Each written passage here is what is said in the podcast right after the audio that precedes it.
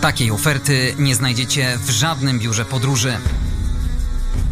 Zabieram Was w niebezpieczną wyprawę dookoła świata. Odwiedzimy miejsca naznaczone historią, konfliktami, terroryzmem czy ludobójstwem. Zapraszam na podcast Jak nie zwiedzać świata. Andrzej Gliniak, witajcie. Patronem podcastu jest firma Entrak, europejski lider wśród dostawców części do maszyn budowlanych. Zachęcam też do lajkowania facebookowego profilu Jak nie zwiedzać świata. Tam najnowsze informacje, zdjęcia i mnóstwo ciekawostek z wielu niesamowitych wypraw moich gości. A dziś wracamy do Europy, do miejsca nietypowego, bo jest ich zaledwie kilka na świecie a my odwiedzimy jedno z nich, państwo tak zwane nieuznawane, czyli Naddniestrze. Oficjalnie część Mołdawii, ale tak e, naprawdę jest całkowicie niezależne od władz centralnych w Kiszyniowie.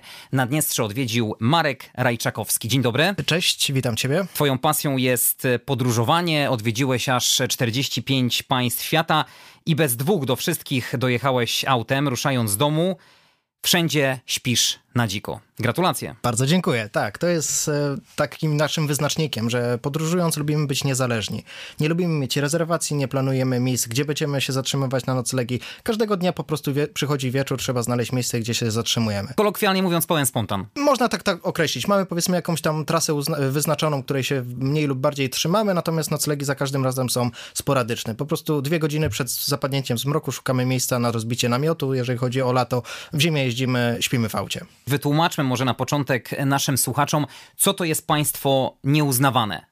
To jest tak zwane quasi-państwo, parapaństwo, czyli kraj, który pomimo braku uznania na arenie międzynarodowej lub z minimalnym uznaniem, no bo y, Naddniestrze uznają jedynie Abchazja i Osetia, de facto jest niepodległym państwem. Tak, z mojej perspektywy, jako takiego powiedzmy laika, który miał przyjemność odwiedzić Naddniestrze i przejechać przez całe Naddniestrze, zobaczyć jak to jak dla mnie państwo funkcjonuje, bo ma wszystkie znamiona typowe dla państwa. Są normalne granice, są przejścia graniczne, jest kontrola graniczna, jest własna waluta. Życie w Naddniestrze toczy się swoim normalnym rytmem. Nie jest to miejsce w jakiś sposób, nie wiem, niebezpieczne, że po ulicach chodzi wojsko i dzieją się tam jakieś straszne rzeczy. Dodajmy jeszcze tylko, że jest to miejsce ulokowane między Ukrainą a Mołdawią. Dokładnie tak. Jest to położone miejsce na e, wschodnim brzegu Dniestru i ze wschodniej strony jest ograniczone granicą z Ukrainą. Skansen komunizmu, zgliszcza Związku Radzieckiego. To miejsce, które jawi się w mediach jako mocno nieustabilizowany kawałek świata, a jednak zdecydowałeś się tam wybrać? Co cię do tego skłoniło? Skłoniło mnie do tego to, że tam nas jeszcze nie było. Właśnie podróżując tak naprawdę, ruszając z własnego domu, czyli ruszając tutaj spod Wrocławia, cały czas szukamy nowych miejsc, nowych państw, których jeszcze nie odwiedziliśmy. E, Okej, okay, możemy tutaj w jakiś sposób rozmawiać na ten temat, czy Naddniestrze jest państwem uznawanym, czy nieuznawanym, natomiast jest to miejsce, w których nas jeszcze nie było. Więc mając okazję odwiedzić powiedzmy Mołdawię czy Rumunię, jadąc w tamtą stronę, Naddniestrze samo z siebie nasuwa się, żeby ten kawałek ziemi odwiedzić i osobiście się przekonać, jak tam faktycznie jest. Co słyszałeś o Naddniestrzu, zanim się tam wybrałeś? No właśnie tego typu stereotypy, że to jest taki skansen Związku Radzieckiego, że to jest miejsce, które bardzo mocno jest powiązane z Rosją, Związkiem Radzieckim. Gdzie się nie spojrzy, tam sierpi młot. Tak, no i muszę przyznać, że takich symboli, takich charakterystycznych dla Związku Radzieckiego jest ich sporo. Co prawda nie pokusiłbym się aż do tego stopnia, żeby określić e, Naddniestrze jako taki skansen. Tych miejsc i takich symboli jest e, sporo, ale to jest normalne, funkcjonujące państwo. Jestem w stanie nawet pokusić się o to, że troszeczkę lepiej radzące sobie niż sama Mołdawia. No tak, tym bardziej, że Mołdawia to jest jedno z najbiedniejszych y, państw w Europie. Tak, dokładnie. Mołdawia jest najmniej zamożnym państwem w Europie, zgadza się. Jaką drogę wybraliście? Bo są dwie opcje, sprawdzałem. Jedna przez Ukrainę, a druga ta którą wy podróżowaliście. Dokładnie. My się zdecydowaliśmy, żeby pojechać e, tą, powiedzmy, takim szlakiem południowym, czyli przez e, Słowację, Węgry na Rumunię, północną Rumunię przez Karpaty, następnie przez Mołdawię, którą właśnie jechaliśmy w linii zachód-wschód, no i w ten sposób dotarliśmy na północ Naddniestrza, dokładnie do Rybnicy. Jak długo zajmuje taka podróż? To jest bardzo trudne pytanie. My pojechaliśmy tam w okresie świątecznym. Dokładnie wyjechaliśmy w Wigilię i wróciliśmy w Nowy Rok, więc jechaliśmy w okresie zimowym. Co prawda sam sobie teraz przypominam, że przed wyjazdem stwierdziłem, że nie ma teraz już ostrych zimy, więc na pewno spokojnie sobie przejedziemy cały ten odcinek. E, nim jeszcze opuściliśmy Polskę, zaczął padać śnieg i spadła temperatura poniżej zera i cały nasz wyjazd był właśnie w takiej aurze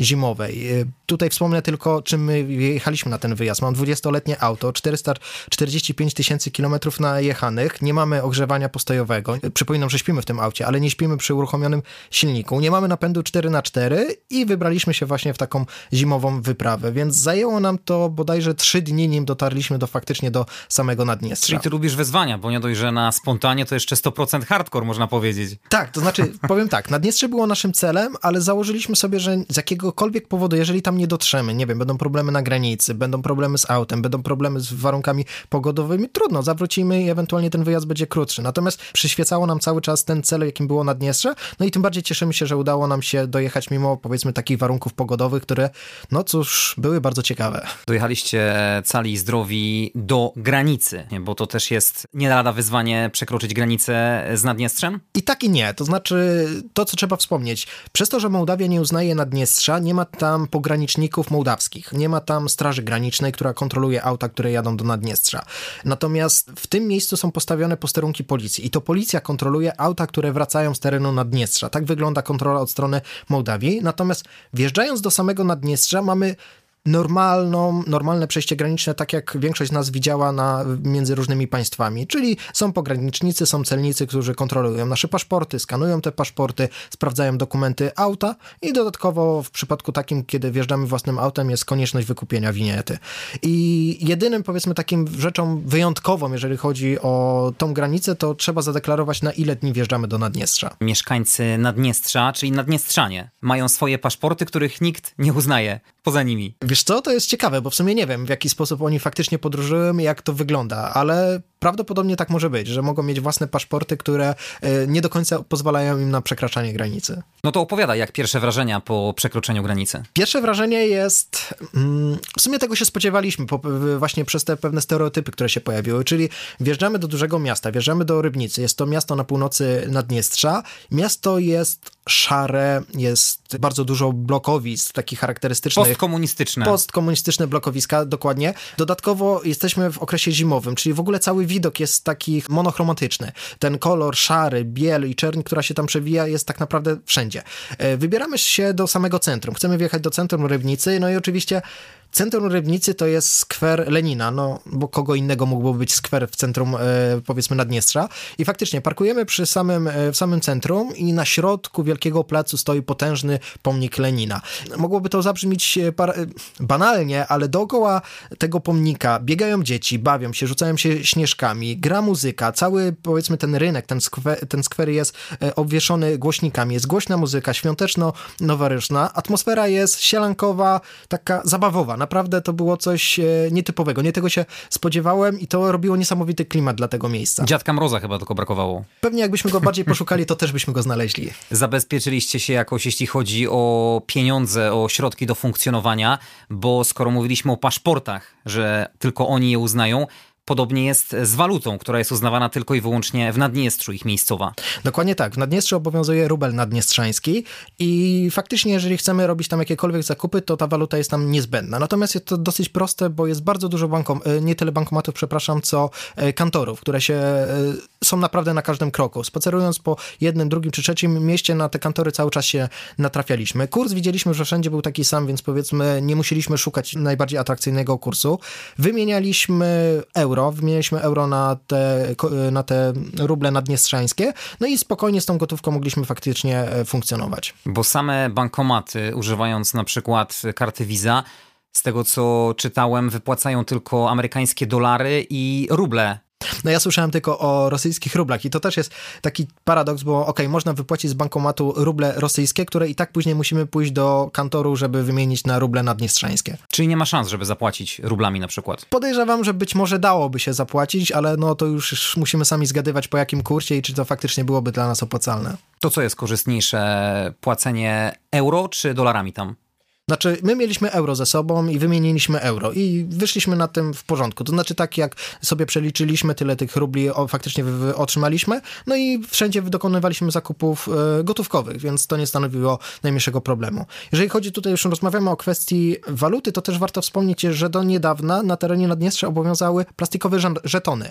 W tej chwili te żetony możemy tak naprawdę nabyć tylko w bankach, jako powiedzmy pamiątkę. Ciekawostkę tutaj wspomnę jeszcze taką, że tutaj jest trochę polski akcent się pojawia, ponieważ część tych y, żetonów była sprzedawana przez polską menicę narodową, co doprowadziło do pewnego zgrzytu dyplomatycznego, bo Mołdawia, delikatnie mówiąc, była niezadowolona, że Polska wspiera nieuznawane państwo Naddniestrze przez to, że dostarcza tam właśnie walutę. No, polska menica tłumaczyła się w ten sposób, że to nie jest waluta, nie jest to pieniądz, tylko są to zwykłe żetony. Ja też znalazłem taką ciekawostkę, że Naddniestrze posiada ograniczone zasoby nie tylko gotówki, ale także bohaterów do upamiętniania ich na tych papierowych pieniądzach, banknotach. No i na kilku nominałach widnieją m.in. podobizny Aleksandra Suworowa, to jest y, słynny rosyjski generał. O tym nie słyszałem, ale może tak faktycznie być. Mieliśmy faktycznie w ręku te banknoty, natomiast no, nie śledziliśmy historii, kto jest faktycznie na tych, na tych banknotach. A jak z cenami? No bo przecież oficjalnie Naddniestrze należy do Mołdawii, które tak jak wspominaliśmy jest jednym e, z najbiedniejszych krajów Europy. Tam rzeczywiście w samym Naddniestrzu jest też tak tanio? Tak, muszę powiedzieć, że w ogóle ta część Europy dla nas jest stosunkowo tania. Państwa takie jak właśnie Mołdawia, powiedzmy, jeżeli potraktujemy Naddniestrze, czy nawet Ukraina, no to są kierunki, gdzie jest, no, delikatnie mówiąc, taniej niż u nas, więc y, te, te wyjazdy w tamtą stronę, no, łączą się z tym, że y, będzie to dobry kierunek na naszą kieszeń, tak powiedzmy swobodnie. Ale jest tam pełen zasób produktów, które można sobie kupić? Oczywiście, nie, nie stanowiło tak naprawdę żadnego problemu. Chodziliśmy po marketach, chodziliśmy po targowiskach, byliśmy w jakiejś restauracji, nawet tutaj też, powiedzmy, skorzystaliśmy z noclegu w hotelu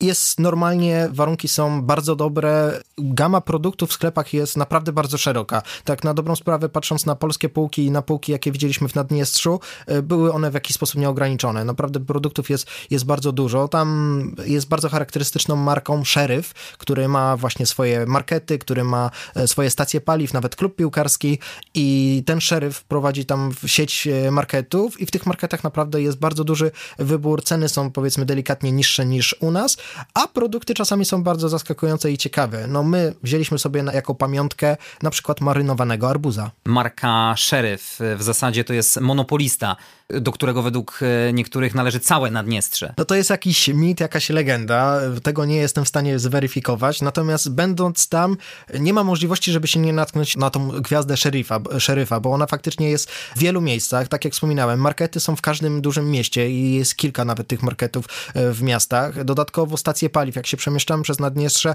okej, okay, widzieliśmy też inne, inne stacje paliw, ale szeryf jest naprawdę na każdym miejscu. No Każda no, dziedziną życia praktycznie determinują do, sieć tak. komórkowa, fabryka alkoholi, tak jak wspominałeś, klub sportowy. Dokładnie tak. Klub sportowy z, ostatnio z dużymi osiągnięciami, jeżeli chodzi o Ligę Mistrzów. Według oficjalnych informacji jest dwóch właścicieli właśnie marki Sheriff, tylko tak naprawdę, tak jak powiedziałeś, legenda nikich nie widział. Też tak o tym słyszałem i nie mieliśmy w planach poszukiwania owego szeryfa. Rybnica to był pierwszy punkt waszej wycieczki po przekroczeniu granicy. Tam coś ciekawego można zobaczyć? Są jakieś atrakcje? Czy typowo postkomunistyczna architektura? Jeżeli ktoś się nastawia, że pojedzie do Naddniestrza i będzie mógł tam odwiedzać jakieś niesamowite zabytki, jakieś niesamowite e, miejsca, to raczej nie. To nie jest kierunek, gdzie będziemy zachwyceni tym, co widzimy. To jest właśnie miejsce, które w jakiś sposób możemy określić, że zatrzymało się, powiedzmy jeszcze w tych latach, nie wiem, określę to 90. i nadal się to utrzymuje na tym samym poziomie. Więc jeżeli ktoś lubi klimat, powiedzmy, Europy Wschodniej, to będzie zachwycony. I my właśnie tak do tego podchodziliśmy, że, że zachwycaliśmy się tą prostą prostotą i swoistą nawet topornością tego miasta, ale właśnie to nas w jakiś sposób zauracza i lubimy tego typu e, klimaty. Miejsca powiedzmy, odwiedziliśmy to centrum, więc powiedzmy, jeżeli ktoś lubi pomnik Lenina, to tam faktycznie tego typu rzeczy, albo popatrzeć na herby, w których pojawia się sierp i młot, to faktycznie to możemy zaobserwować i to jest widoczne na każdym, każdym miejscu. Tam podobno można zaobserwować bardzo często w wielu miejscach i flagę Naddniestrza, i obok flagę rosyjską. Dokładnie tak. To właśnie jak już przejdziemy do kolejnej miejscowości, to będą Dubosary, one są mniej więcej w połowie Naddniestrza, to tam faktycznie trafiliśmy do centrum, gdzie był e, budynek urzędowy, nie wiem co to był dokładnie za e, urząd, natomiast nad nim faktycznie powiewały dwie flagi. Flaga naddniestrzańska i flaga właśnie rosyjska. Czyli mieszkańcy Naddniestrza bardzo mocno supportują Rosji. Oczywiście, jak najbardziej. Zresztą językiem, który obowiązuje w Naddniestrzu jest język rosyjski, więc ta e, powiedzmy przyjaźń, ta wspólna zależność jest na pewno bardzo silna. Tutaj nie chciałbym wchodzić w jakąś geopolitykę, bo nie mam takiej wiedzy, więc, więc nie wiem na ile Rosja faktycznie wspiera Naddniestrze. Słyszałem, że tak, natomiast nie mam tutaj wiedzy, żeby się w jakiś sposób merytorycznie wypowiadać na ten temat.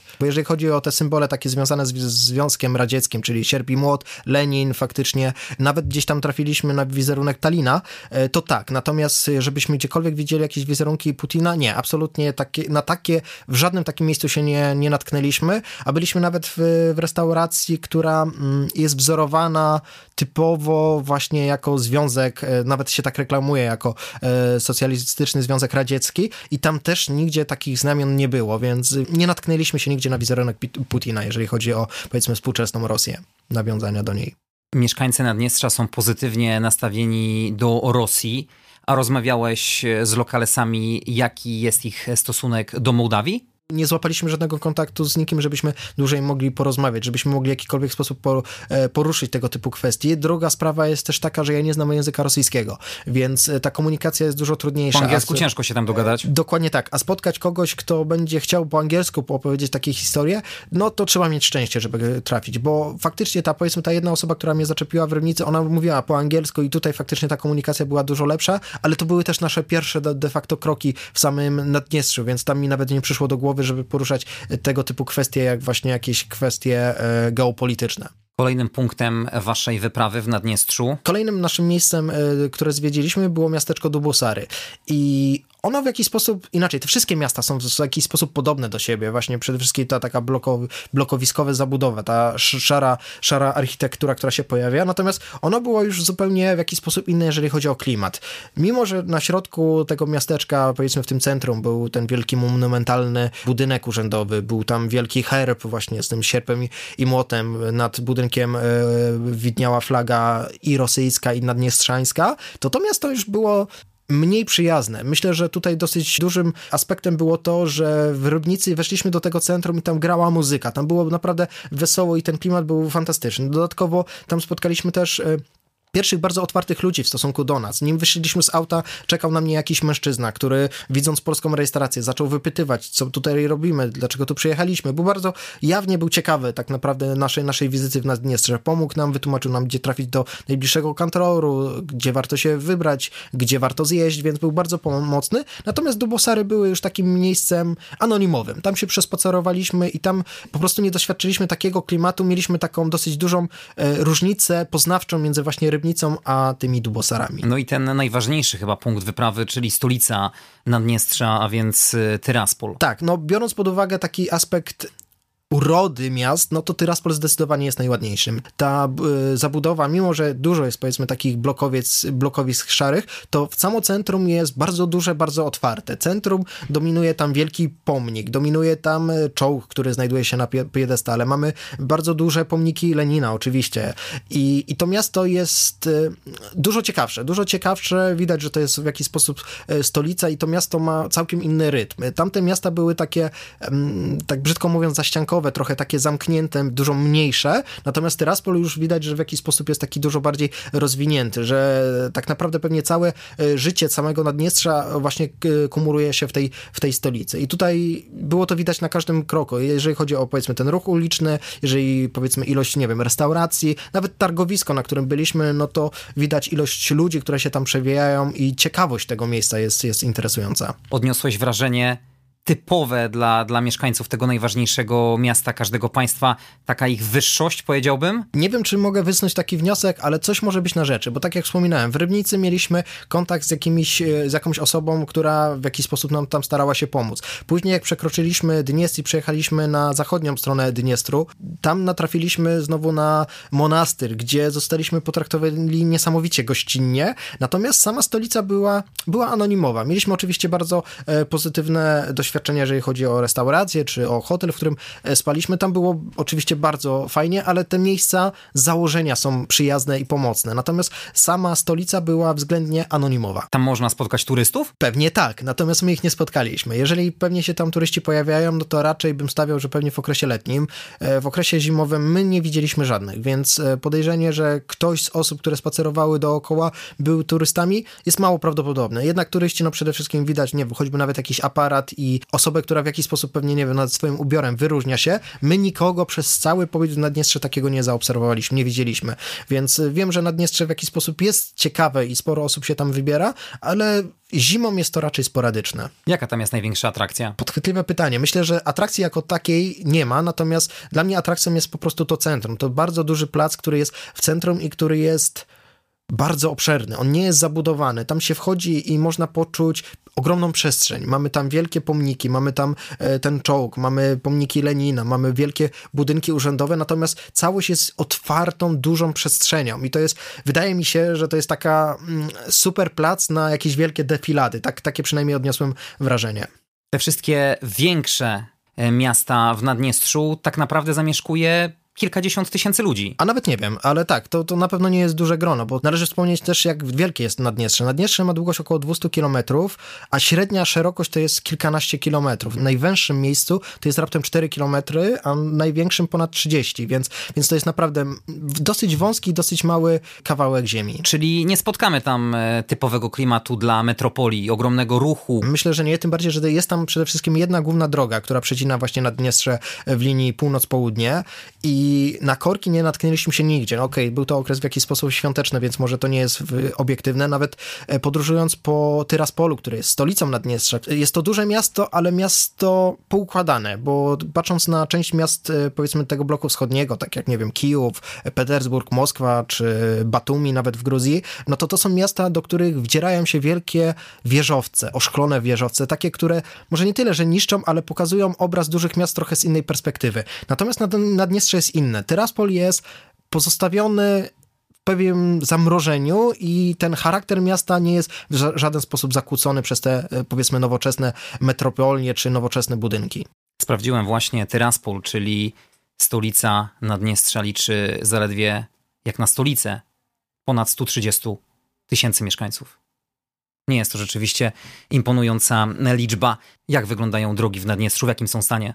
Co do dróg, e, to tutaj było bardzo pozytywne zaskoczenie z naszej strony, bo no, podróżując kiedyś już po Mołdawii, to będąc na południu Mołdawii, tam drogi naprawdę były karkołomne i w pewnym momencie nawet musieliśmy zrezygnować z dalszej jazdy. Natomiast teraz przejechaliśmy przez całą Mołdawię. Wydaje mi się, że dosyć pomocny był śnieg, który w jakiś sposób te drogi sprawiały, że raz, że jechało się dużo wolniej, dwa, że były względnie gładkie i czyste. Natomiast porównując odśnieżanie dróg w Mołdawii czy w Naddniestrzu, to te drogi w Naddniestrzu wyglądały dużo lepiej. Tylko tutaj warto wspomnieć w liczbie pojedynczej, ta droga, bo tu przede wszystkim jest ta jedna droga, która przecina właśnie Naddniestrze w linii północ-południe, natomiast te pojedyncze takie drogi, które się pojawiają odchodzące do małych miejscowości gdzieś na boki, tam nie wjeżdżaliśmy. Tam było dużo więcej śniegu i przy naszym aucie bez napędu 4x4 nie ryzykowaliśmy, żeby się tam próbować dostać. Oni mają autostrady? Nie, nie, to jest zwykła droga, taka powiedzmy dwupasmowa, ale zupełnie komfortowa i też nawet jak była odśnieżona, to też nie było tam problemów z jakimiś, nie wiem, dziurami, że nagle wpadało się i zostawialiśmy gdzieś za sobą zawieszenie. Było bardzo w porządku. A na naddniestrzańskich drogach możemy spotkać e, prawdziwe motoryzacyjne muzeum rodem ze Związku Radzieckiego. Dokładnie tak, tu, tu mógłbym się pokusić o prawdziwy skansen i najlepsze jest to, że to nie jest skansen, że te auta stoją gdzieś zaparkowane, tylko te auta jeżdżą po tych drogach. Te łady, buchanki, w ogóle kocham buchankę, to jest moje auto marzeń, buchanki, jakieś stare łazy, moskwicze, tak, w ogóle tych aut jest dużo i to zarówno osobówki, busy, zresztą nawet y, na, na tych zdjęciach będziecie Państwo mogli pewnie zobaczyć też te autokary, które tam obsługują ludzie, więc to, to funkcjonuje, to naprawdę jeździ, działa. Trolejbusy? Mm, trolejbusy tylko w Tyraspolu, tylko tam się spotkaliśmy z e, trolejbusami, natomiast e, ogrom tych starych aut, które jeżdżą po tych e, naddniestrzańskich drogach, zresztą podobnie też jest w Mołdawii, to jest naprawdę, jeżeli ktoś się lubi, lubuje w tego typu autach, to tam będzie zachwycony. To naprawdę jest perełka za perełką, jeżeli chodzi o, o auta, które jeżdżą po tamtejszych drogach. To miejsce jest bezpieczne? Zdecydowanie tak. To znaczy, wiadomo, nie jestem tutaj obiektywny po kilku dniach e, wizyty w Naddniestrzu, natomiast e, my nie doświadczyliśmy ani jednej jakiejś wrogiej sytuacji, ani jednej sytuacji nieprzyjemnej, e, czy to ze strony, nie wiem, pograniczników, jakichś służb drogowych, osób, których mijaliśmy, będąc na targowisku, w restauracji, w sklepie. Nie pojawiła się żadna negatywna sytuacja. Miejsce było naprawdę jak najbardziej pozytywne, bezpieczne. Na ulicach też, nie wiem, nie widać tam, nie wiem, wojsk jakichś, nie widać żołnierzy z długą bronią, nie widać, nie wiem, nawet policji, która w jakiś sposób często gdzieś się patroluje, czy się pojawia. Po prostu miejsce tętni swoim życiem i jest zupełnie normalnym, standardowym miastem, tak jakbyśmy się przespacerowali po, nie wiem, Wrocławiu na przykład. No to teraz ślinka mi cieknie, co też ciekawego opowiesz o kuchni w Naddniestrzu. Z czym to się je?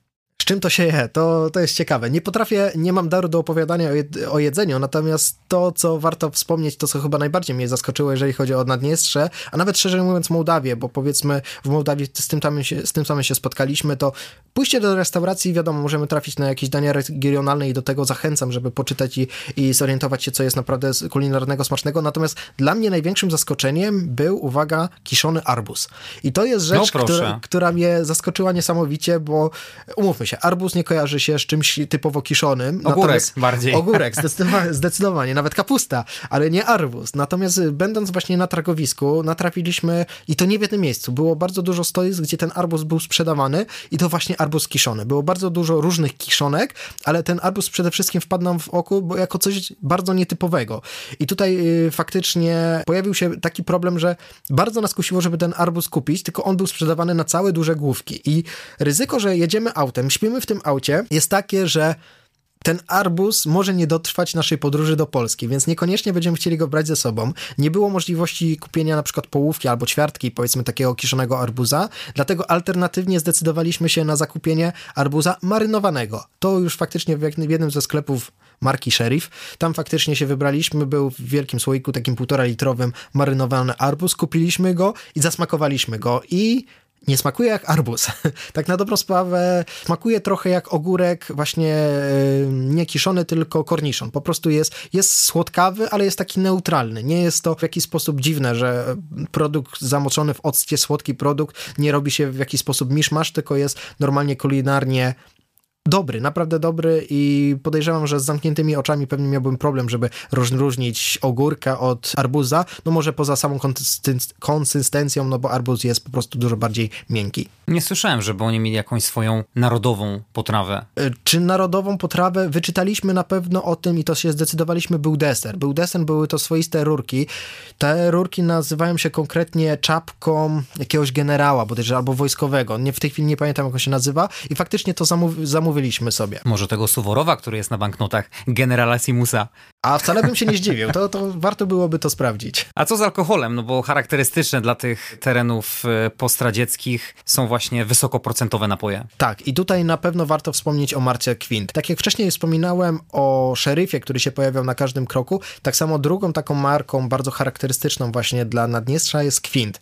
Jest to fabryka koniaków, podobno bardzo dobrych. Przywieźliśmy sobie nawet jakieś butelki z Naddniestrza, ale przyznaję, że jeszcze nie próbowałem. Poza tym też nie jestem znawcą koniaków, umówmy się. Natomiast Kwint naprawdę dominuje i, i w każdym z tych miast, czy to była właśnie Dubosary, Rybnica, czy Raspol, tych sklepów Kwinta jest kilka. On pełni trochę rolę takiego powiedzmy sklepu monopolowego, jest powiedzmy brandowany właśnie tym, tymi produktami Kwinta, natomiast jest tam bardzo dużo produktów. Nie tylko koniaki, nie tylko bardzo drogie koniaki, ale niektóre naprawdę po niskich cenach, bo e, powiedzmy butelkę taką 0,5 mm, byliśmy w stanie kupić powiedzmy za około 11 zł w przeliczeniu na polskie, polską walutę, więc uważam, że to nie jest drogi. Przy okazji sprawdziliśmy ile kosztuje ten kwint w Polsce, no to tutaj ceny są, zaczynają się od 60 zł, także jakby ktoś chciał przemycać alkohol z Naddniestrza, to Byliście w Naddniestrzu w okresie zimowym. No my trafiliśmy na akurat taką mocną, śnieżną zimę w Naddniestrzu, w Mołdawii, w Rumunii, jak, jak jechaliśmy.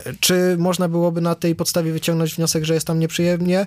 Trudno mi powiedzieć. Wiem, że okres letni, jak podróżowaliśmy właśnie tam po południu Mołdawii, jest bardzo upalnie, bardzo sucho i bardzo gorąco, to na pewno. Natomiast jakie są tam zimy, trudno mi powiedzieć. My trafiliśmy na piękną, śnieżną, wspaniałą zimę. Jaki jest optymalny okres e, na na zwiedzanie Naddniestrza? No wydaje mi się, że jednak ten okres letni jest pewnie taki najwygodniejszy. Biorąc pod uwagę, że o godzinie 16 zimie mamy już ciemno, no to warto jednak poświęcić okres letni na taki wyjazd, kiedy możemy naprawdę dużo więcej zobaczyć, kiedy mamy tych godzin znacznie więcej na to, żeby pozwiedzać, zapuścić się jeszcze dodatkowo w takie mniejsze miejscowości. No my tak naprawdę skupiliśmy się na dużych miastach i ubolewamy nad tym, że nie mieliśmy możliwości wjechania do tych malutkich wiosek, które są e, położone bezpośrednio nad Dniestrem, bo uwielbiamy takie miejsca. Takie miejsca mają swój klimat i tam życie się toczy jeszcze trochę innym rytmem niż w tych miastach, więc my mamy swoisty niedosyt i bardzo chętnie wrócimy. Nawet szczerze mówiąc, mamy już wstępny jakiś plan na okres wakacyjny, żeby na tydzień wyskoczyć ponownie do właśnie Naddniestrza, do Mołdawii. A jak długi czas powinniśmy sobie zagospodarować, żeby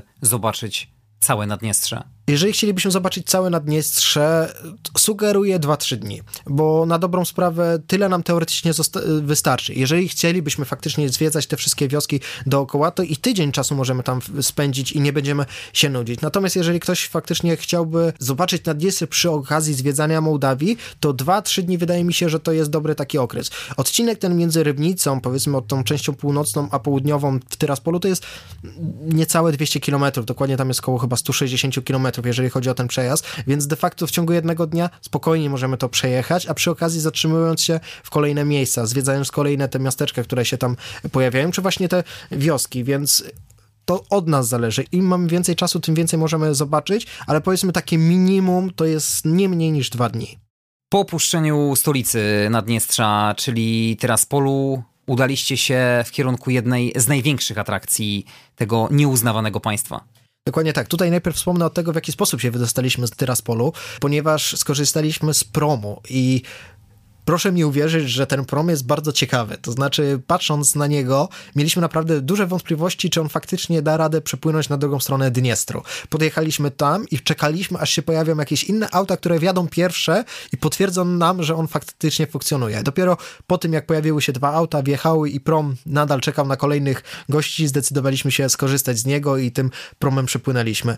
No, prom jest bardzo specyficzny, ale bezpiecznie faktycznie przepłynęliśmy na zachodnią część e, Dniestru i znaleźliśmy się w okolicach miasta Bendery. Tutaj warto wspomnieć o tym, że o ile Naddniestrze niemal w całości znajduje się na wschodniej części e, Dniestru, to tutaj na południu Bendery są po zachodniej stronie Dniestru i to jest jedyna część Naddniestrza, która jest właśnie po stronie zachodniej tej rzeki. Natomiast jeżeli chodzi o tą atrakcję, która się tutaj pojawiła, to udaliśmy się do monastyru, który się znajduje właśnie na południe od Bender i jest to największa atrakcja nie tylko samego Naddniestrza, ale największa atrakcja taka powiedzmy religijna całej Mołdawii. Znajdujący się tutaj monaster jest przepiękny, jest tutaj bardzo dużo świątyń, które się tutaj znajdują i to, co nas tutaj spotkało, to też jest fajna sprawa, bo w momencie, kiedy weszliśmy na dziedziniec tego monastyru, zobaczył nas jeden z mnichów podszedł do nas, zobaczył, że jesteśmy turystami, poprosił swojego pracownika, którym był akurat y, obywatel Niemiec, który pracuje po prostu w tym monastyrze, żeby tłumaczył na angielski. I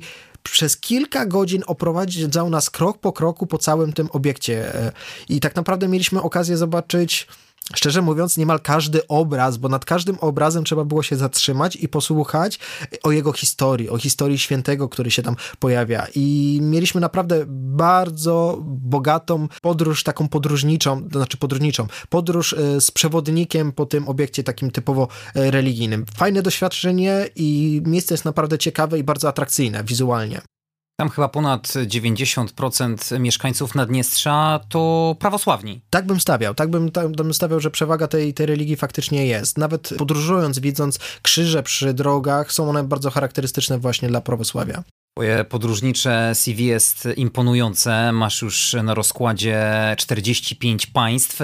Co w Naddniestrzu zrobiło na tobie największe wrażenie? Właśnie chyba samo Naddniestrze. To znaczy samo Naddniestrze pod tym względem, że pierwszy raz wjechaliśmy do państwa, które w jakiś sposób jest nieuznawane i nie wiedzieliśmy, czego się tam spodziewać. Dodatkowo wjeżdżamy tam własnym autem, więc nie wiemy, z czym to może się wiązać, jakie, jakie będą e, problemy ewentualnie na miejscu. Dodatkowo nie ukrywam, że to była pierwsza taka nasza podróż zimowa, więc pierwszy raz wybraliśmy się na powiedzmy taki dużo dalszy wyjazd, bo zrobiliśmy ponad 3000 kilometrów w kierunek dla nas nieznany, zupełnie nowy, w okresie, kiedy nie ma innych turystów, gdzie wtopimy się w tłum, tylko jest coś zupełnie nowego. I to było niesamowite. I jestem nawet w stanie powiedzieć, że to była jedna z ciekawszych przygód, która nas podróżniczo spotkała. Tak jak wspomniałeś, miałem przyjemność odwiedzić 45 państw, ale większość z tych państw była w jakiś sposób bezpieczna, przewidywalna, a tutaj była taka nutka tajemniczości. Nie powiem, że tam było niebezpiecznie, bo wręcz przeciwnie. Uważam, że Naddniestrze jest bardzo bezpiecznym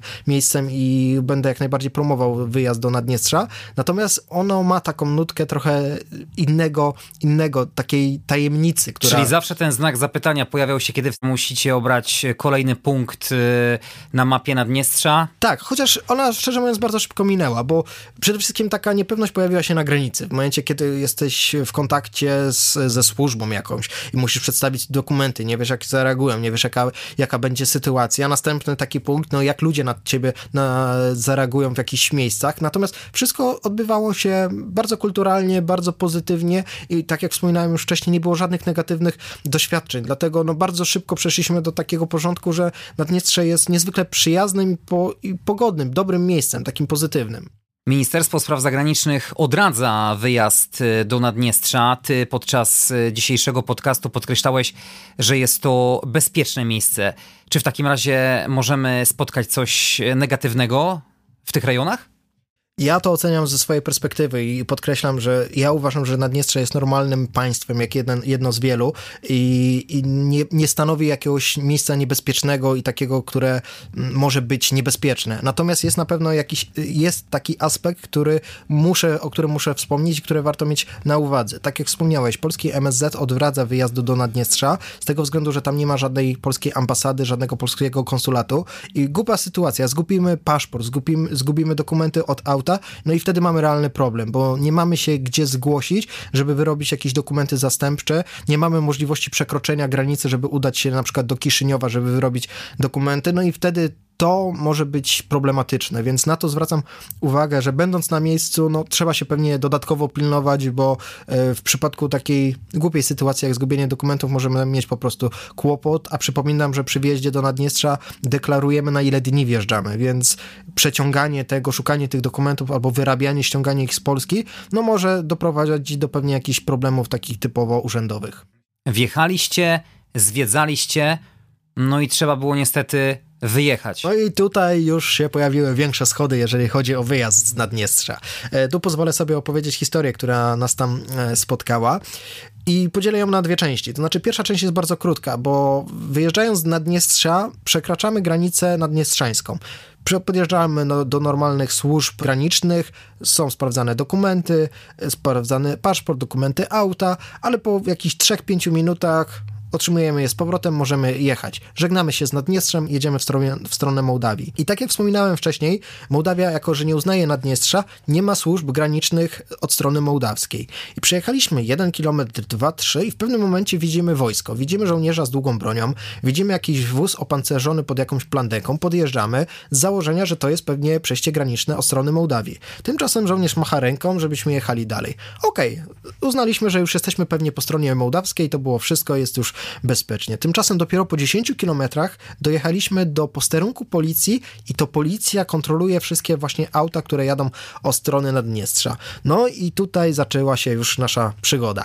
Mianowicie w momencie, kiedy podjechaliśmy do granicy, yy, dwóch policjantów poprosiło ode mnie dokumenty, wzięli dokumenty auta, paszporty, winietę e, mołdawską i zaczęli ją sprawdzać. Po paru minutach wrócił do mnie jeden z policjantów, oddając mi dokumenty na pytanie, czy wszystko jest w porządku, Odpowiedział, że tak. Mogę jechać? Nie. Okej, okay, zaczynam się zastanawiać, o co chodzi. Tymczasem widzę, jego kolega podszedł do innych aut, które zatrzymały się na tej granicy, macha ręką i przepuszcza wszystkie auta, żeby odjechały, a nam każe podjechać na bok, na parking. No dobra, zaczynam sobie już pewne puzzle w głowie układać, ale czekam, jak się sytuacja rozwinie. Tymczasem ten drugi policjant zaczyna ze mną rozmawiać, e, rozmawiać po rosyjsku. Ja nie znam rosyjskiego. I z tego, co zrozumiałem, to on pracował w Niemczech, zna Polskę, wymieniał polskie miasta, próbuje się ze mną zaprzyjaźnić, ale mówiąc szczerze, rozmowa się nie klei. Ja nie znam rosyjskiego, więc ta rozmowa się nie klei, więc już zadaję mu po raz kolejny pytanie, czy możemy jechać. On pokazuje palcem na tego drugiego policjanta, czekaj na niego. Okej, okay, może ten drugi zajmuje się kontrolą auta. Nie wiem, jeszcze łudzę się, że będzie taka e, standardowa sytuacja. Tymczasem tamten policjant do mnie e, wraca i Wyciąga telefon. Na tym telefonie zaczyna coś pisać. Ja staję koło niego i widzę, co on tam. Inaczej, pisze po mołdawsku i tłumaczy na angielski. Znam słowa, ale nie wiem, co to znaczy. Stwierdziłem, że to może jakiś angielski idiom, którego nie znam, więc poprosiłem o przetłumaczenie, żeby kliknął na język polski. I przetłumaczył mi to na język polski. I teraz odtworzę to, co przeczytałem. Pamiętaj, aby dać chłopcu na herbatę, który służy. No i tutaj już jest dosyć jasny przekaz, ale to zdanie było dziwnie sformułowane, takie trochę nielogiczne, więc brnę dalej. Nie rozumiem o co chodzi. W tym momencie ten policjant już się troszeczkę zdenerwował i każe mi iść za sobą. Idziemy do takiego baraku, który stoi na tym, powiedzmy, na tej granicy. Wchodzimy do tego baraku i stajemy twarzą twarz. On mówi do mnie w korytarzu. Mówi bliżej, bliżej. Stoimy naprawdę bardzo blisko siebie i on już wtedy bez ogródek mówi do mnie, tu nie ma kamery, dawaj co masz i jedź. I w tym momencie już się trochę przestraszyłem, ale ręce w kieszeni, szukam jakichś pieniędzy i szczerze mówiąc, nic nie miałem przy sobie, absolutnie nic nie miałem przy sobie, więc zadaję mu pytanie, ile? On odpowiada na winietę. No dobra, no to idę do auta, mówię mu moment, idę do auta po, po 10 euro, tak sobie wymyśliłem, że tyle będzie mnie kosztowało, mm, powiedzmy, ta winieta, a tak naprawdę ta łapówka, którą sobie zażyczył. Wsiadam do auta, wyciągam 10 euro, wychodzę i w tych państwach takich jak Rumunia, jak Mołdawia jest bardzo dużo bezpańskich psów. I w tym momencie na tej granicy rzuciło się na mnie dwa psy. Więc uciekając od tych psów, wycofując się, wróciłem do auta. Zamknąłem się w tym aucie, no i czekam aż ten policjant te psy rozgoni. I on faktycznie wyszedł rozgonić te psy. W tym momencie widzę na blacie auta dokumenty, które zostały mi zwrócone. I na wierzchu leży winieta mołdawska. Więc postanowiłem, że zagram swoją grę z tym policjantem. Wziąłem tą winetę, wyszedłem z auta, w kieszeni mam te 10 euro na wszelki wypadek. Podchodzę do niego, pokazuję mu winietę i mówię, winieta dobra. On poświecił na tą winietę latarką, machnął ręką i tylko powiedział jedź. A skoro już y, opowiadasz o dokumentach potrzebnych do wjazdu, tudzież wyjazdu, ta winieta była niezbędna? Tak, winieta jest obowiązkowa i to zarówno w samym Naddniestrzu, jak i w Mołdawii. I tą winietę trzeba po prostu kupić na granicy. Rzeczywiście jej koszt co 10 euro? Nie, jej, jej koszt bodajże jest chyba 4 euro, jeżeli dobrze pamiętam, więc, więc to nie chodzi tylko, wiadomo, im nie chodziło o kupno winiety, łapuwa. tylko zupełnie coś, coś innego. Na, na szczęście w tym moim przypadku po prostu jakaś taka nieznajomość języka mi pomogła, że już po prostu po paru minutach takiej próby wytłumaczenia mi i o co im chodzi, już odpuścili i pozwolili nam jechać dalej. Myślisz, że oni tak to rygorystycznie sprawdzają potem przy wyjeździe? Trudno... Jeśli przekroczysz kilka dni, to Trudno... nie sprawdziłeś, więc tak, też nie wiesz. Tak, dokładnie. Trudno mi powiedzieć, nie sprawdziłem tego. Wolałem tego nie testować. Oprócz winiety niezbędny jest y, paszport, a jeśli chodzi o wizę? Nie, w żadnym z tych państw wiza nie była konieczna. Udało się bezpiecznie wrócić do Wrocławia. Tak, tak, bezpiecznie wróciliśmy, mimo że przejazd przez e, Karpaty rumuńskie było oczywiście w tych śniegach dosyć przygodowe, chociaż muszę wspomnieć, że bardziej przygodowy był przejazd przez Mołdawię, bo wiesz, jaką wysokość ma najwyższy szczyt Mołdawii? Nie mam zielonego pojęcia. 430 metrów nad poziomem morza. Czy tam może być trudno w warunkach zimowych? Nawet bardzo. I to jest taki dosyć pa duży paradoks, bo jadąc przez rumuńskie Karpaty, naprawdę wysoko, przez przełęcze się przebijaliśmy i tam było dużo śniegu, ale po tych drogach się jechało dosyć wygodnie, bez jakichś większych problemów. Natomiast Mołdawia jest krajem bardzo pofalowanym, przez co cały czas mamy albo ostry podjazd, albo ostry zjazd. I w tym momencie mamy dosyć dużo pracy, jeżeli chodzi, jeżeli chodzi o pracę kierowcy. Mianowicie, że jadąc w dół musimy mocno hamować silnikiem, żeby auto na tej śliskiej, na tej śnieżnej nawierzchni nam się nie rozpędzało, a za chwilę mamy ostry podjazd i musimy się rozpędzić, żeby auto w połowie podjazdu nam się nie zatrzymało, więc z takimi zjazdami i podjazdami cały czas się borykaliśmy. Na szczęście udało nam się spokojnie przebrnąć i dojechać do, do Polski bez większych problemów. Wasz powrót odbywał się w wyjątkowym czasie.